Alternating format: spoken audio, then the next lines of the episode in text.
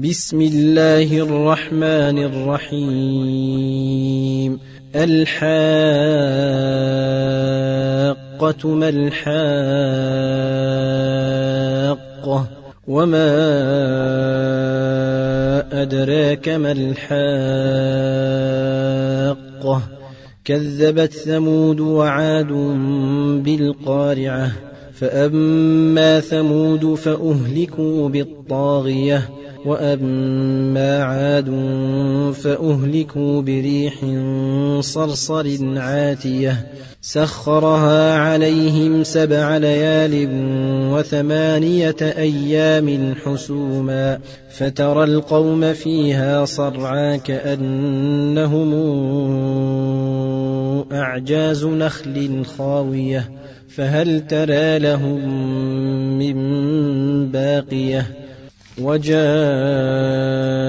فرعون ومن قبله والمؤتفكات بالخاطئة فعصوا رسول ربهم فأخذهم أخذة رابية إنا لما طغى الماء حملناكم في الجارية لنجعلها لكم تذكرة وتعيها أذن واعية. فإذا نفخ في الصور نفخة واحدة وحملت الأرض والجبال فدكتا دكة واحدة فيومئذ وقعت الواقعة. وانشقت السماء فهي يومئذ واهية والملك على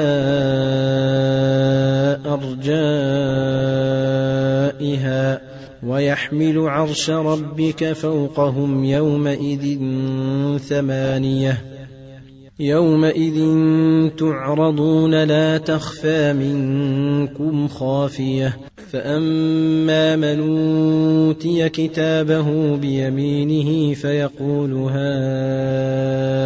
اقرءوا كتابيه اني ظننت اني ملاق حسابيه فهو في عيشه راضيه في جنة عالية قطوفها دانية كلوا واشربوا هنيئا بما أسلفتم في الأيام الخالية. وأما من أوتي كتابه بشماله فيقول يا ليتني لموت كتابيه ولم أدر ما حسابيه. يا ليتها كانت القاضية ما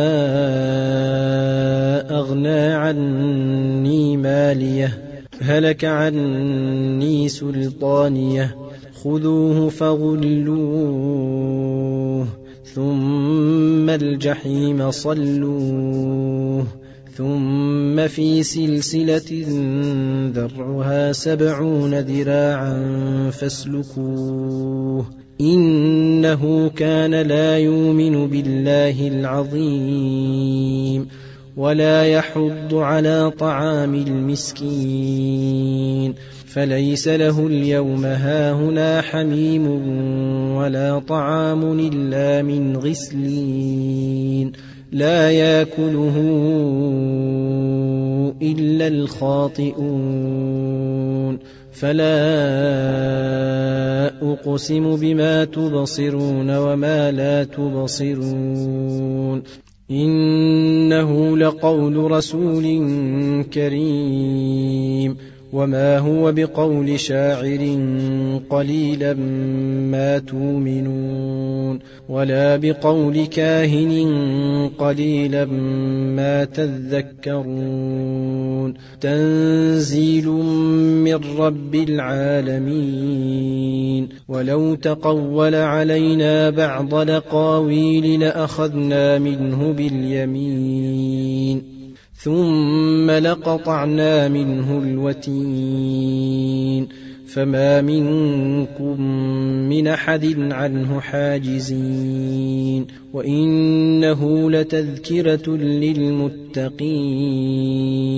وأنا لنعلم ان منكم مكذبين وانه لحسره على الكافرين وإنه لحق اليقين. فسبح باسم ربك العظيم.